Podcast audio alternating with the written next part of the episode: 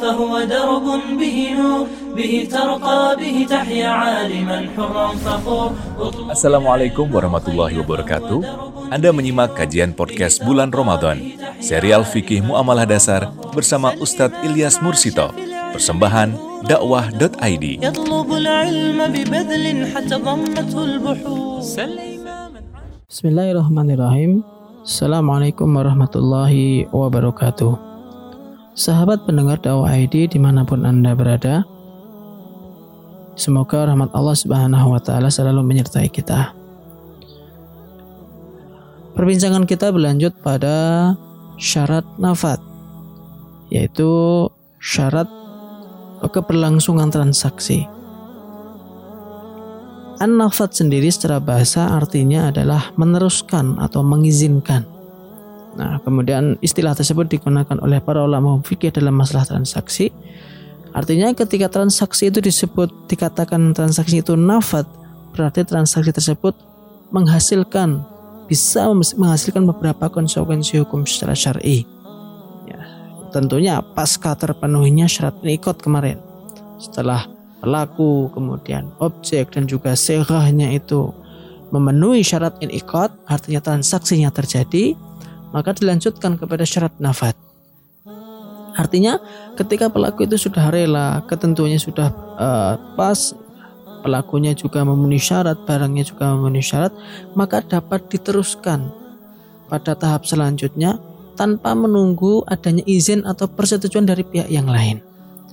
Nah syarat nafat ini eh, ketika membahas tentang syarat nafat ini saat berlangsungnya transaksi ini maka ada dua poin penting yang harus kita pahami yaitu hak kepemilikan dan juga hak kewenangan atau al-milku dan al-walayah. Al-milku artinya apa? Hak kepemilikan seseorang sehingga ia dapat mentransaksikan barang yang dia miliki ketika tidak ada penghalang-penghalang syar'i yang menghalangi dirinya untuk menggunakan hak kepemilikannya. Di antara penghalang syar'i yang ada, uh, misalkan kondisi gila atau hilangnya akal. Artinya apa? Orang gila ketika dia memiliki harta, harta tersebut adalah miliknya. Dia adalah pemilik sah dari harta tersebut. Hanya saja dia tidak bisa bisa menggunakan hak kepemilikannya karena ada penghalang pada dirinya yaitu hilangnya akal. Ini yang pertama. Kemudian yang kedua ada yang namanya uh, al-walayah atau hak kewenangan. Hak kewenangan ini diberikan kepada selain dari pemilik dan pemilik barang. Lebih jelasnya mungkin dapat kita ilustrasikan seperti ini. Ada seseorang mungkin dia belum apa belum berakal, belum sempurna akalnya atau mungkin dia hilang akalnya, dia memiliki wali. Dia memiliki wali. Nah, orang gila tadi atau orang yang belum sempurna akalnya tadi, dia adalah pemilik sebenarnya dari barang tersebut. Sementara walinya atau orang yang diwasiatkan oleh wali untuk men, e, menjadi apa namanya menjaga uh, harta orang tadi, nah dia adalah seseorang yang memiliki hak al-walayah dia memiliki kewenangan syar'i. Ya. Nah dalam hal ini maka kita bisa apa namanya mengklasifikasikan dari dua syarat tadi ya syarat al dan awaliyah tadi kita bisa mengklasifikasikan kondisi seseorang kondisi kewenangan seseorang dalam transaksi. Pertama, transaksi dilakukan oleh pemilik barang yang menggunakan kewenangannya sendiri dalam mentransaksikan barang. Ya, jadi ada seseorang dia punya barang, dia tidak gila, sempurna akalnya, dia memenuhi syarat untuk bertransaksi, ada kelayakan hukum untuk bertransaksi, kemudian dia mentransaksikan barangnya. Maka pada saat itu dia memiliki hak al-milku, hak kepemilikan, dan dia juga menggunakan kewenangannya untuk menggunakan hak kepemilikannya. Kemudian yang kedua, transaksi seorang yang diberi kewenangan oleh pemilik barang. Ya. Nah dalam hal ini posisi dia adalah sebagai wakil. Artinya apa? Ada seseorang yang dia tidak memiliki barang, tapi dia diberi kewenangan oleh pemilik barang untuk mentransaksikan barang tersebut. Ya. Contohnya, misal ada orang yang oh, apa namanya, dia diminta oleh orang lain untuk menjualkan barangnya. Dia diminta oleh orang lain untuk mentransaksikan barangnya. Nah, maka status orang yang diminta tadi dia adalah sebagai wakil dari pemilik barang. Dan itu boleh. Kemudian yang ketiga adalah orang yang mendapat kewenangan kewenangan tersebut berdasarkan syar'i. Misalkan ketentuan dari hakim misalkan atau mungkin ada wasiat dari orang tuanya atau mungkin dari seorang wali wali seorang wali entah itu orang tua sendiri orang tua dia sendiri atau mungkin kerabatnya. Nah dia memiliki kewenangan untuk mentransaksikan yang dimiliki oleh pemilik barang tadi. Nah, dalam hal ini dia mendapatkan kewenangan tersebut berdasarkan ketentuan syar'i. Uh, sekali lagi saya tegaskan bahwa dalam syarat nafat ini uh, seseorang harus memperhatikan bahwa ketika dia mentransaksikan, dia bertransaksi, dia harus memastikan apakah dia memiliki hak kepemilikan pada barang tersebut dan yang kedua, apakah dia memiliki kewenangan. Karena ada orang-orang yang memiliki barang tapi dia tidak punya kewenangan. Ya. Ada orang yang memiliki kewenangan meskipun dia tidak memiliki barang. Nah, ada orang yang tidak memiliki barang dan tidak punya kewenangan tapi dia mentransaksikan barang tersebut Nah, dalam kasus ini maka dia disebut dengan seorang fuduli. Seorang fuduli ini adalah seseorang yang mentransaksikan barang padahal barang yang dia transaksikan itu bukan miliknya. Kita akan mendapati banyak hal seperti ini pada pada kondisi saat ini ya. Misalkan ada orang uh, melihat foto yang terpampang di galerinya seseorang entah itu di marketplace mana pun ya kemudian dia mencomot mengambil foto tersebut kemudian dia pajang di statusnya dia. Dengan ungkapan siapa yang mau pesan dengan harga sekian? misalkan.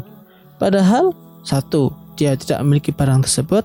Dan yang kedua dia juga belum minta izin. Dalam kasus seperti ini maka dia termasuk seorang fuduli dia tidak boleh mentransaksikan seperti itu. Ya. Nah, ketika seseorang melakukan hal yang seperti ini, maka kita perlu ingat sabda Rasulullah Shallallahu Alaihi Wasallam, la ribha lam yutman.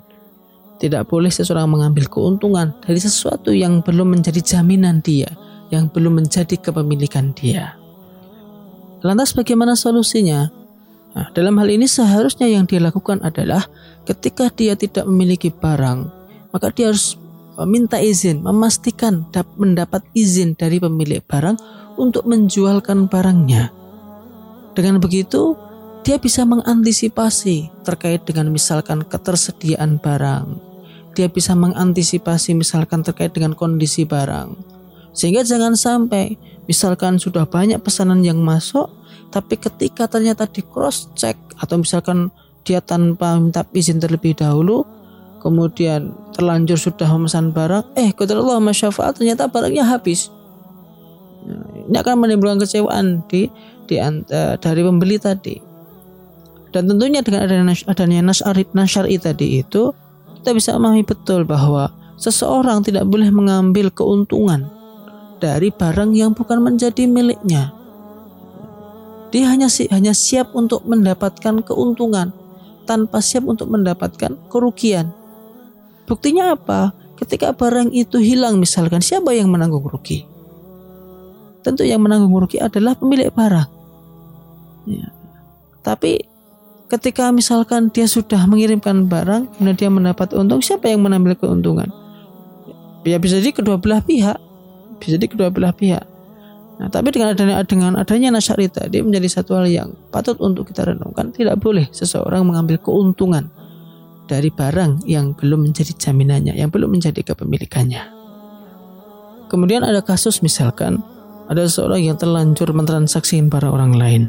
Maka dalam hal ini uh, dia harus mendapatkan izin dari pemilik barang. Ada dua syarat pemberian izin. Yang pertama adalah uh, hendaknya pemilik asli adalah orang yang mampu uh, memberikan izin atau pemilik asli adalah orang yang memiliki kecakapan untuk melakukan transaksi tersebut Atau kalaupun tidak, maka di sana ada wali yang mengizinkannya. Ini adalah syarat yang pertama. Maka jangan sampai kemudian eh, apa namanya seseorang mentransaksikan barang orang lain tanpa melihat terlebih dahulu siapa yang memiliki dengan seenak sendiri dia mengambil mengambil gambar dari tempat dari tempat orang lain. Kemudian yang kedua, hendaknya legalitas atau izin tersebut itu diberikan pada saat penjualnya ada, pembelinya ada, ya, kemudian pemiliknya ada dan objek transaksinya pun juga ada. Maka jika izin tersebut diberikan setelah salah satu unsur dari tadi itu hilang atau mungkin ada yang meninggal, maka transaksi dianggap batal dan perizinan tidak berlaku. Hanya saja dalam hal ini Madhab Hanafi dan juga Maliki menyatakan bahwa transaksinya itu maukuf, artinya masih menunggu izin dari pemilik pemilik barang. Masih ada kesempatan untuk di, diberi izin dari pemilik barang. Sebagaimana kisahnya Al-Bariki ketika diperintahkan Rasulullah untuk membelikan satu ekor domba, ya ternyata apa? Dia diberi uang satu dinar, tapi dia bisa membeli dua ekor. Nah dari dua ekor itu kemudian yang satu dibelikan apa namanya yang satu dijual mendapatkan satu dinar dan dia e, ketika mendatangi Rasulullah dia membawa satu ekor domba dan satu dan satu dinar nah, Rasulullah tidak menolaknya tapi Rasulullah meng, e, mendoakan keberkahan bagi Al-Bariki semoga dalam setiap transaksinya itu diberkahi nah ini menunjukkan bahwasanya taskhih dari transaksi itu bisa dilakukan ya, dari dari pemilik dari pemilik barang maka sekali lagi dalam persoalan syarat nafat ini harus diperhatikan betul. Ada orang-orang yang dia memiliki hak kepemilikan tapi tidak bisa mentransaksikan karena ada penghalang syar'i. Tapi ada juga orang-orang yang tidak memiliki barangnya tapi dia bisa mentransaksikan dengan syarat yaitu dia mendapatkan izin dari pemiliknya. Dan harus dipastikan belum, dipastikan betul bahwa dia betul-betul mendapatkan izin. Ya, jangan sampai hanya sekedar dugaan saja bahwa dia sudah mendapatkan izin. Demikian barangkali semoga bisa dipahami dan juga bermanfaat bagi kita uh, pembahasan syartun nafat di dalam transaksi jual beli. Assalamualaikum warahmatullahi wabarakatuh. Anda baru saja menyimak kajian podcast bulan Ramadan persembahan dakwah.id. Kirimkan pertanyaan Anda ke redaksi at dakwah.id. Sampai jumpa. Wassalamualaikum warahmatullahi wabarakatuh. سل إماما عاش في العلم دهورا ودهور يطلب العلم ببذل حتى ضمته البحور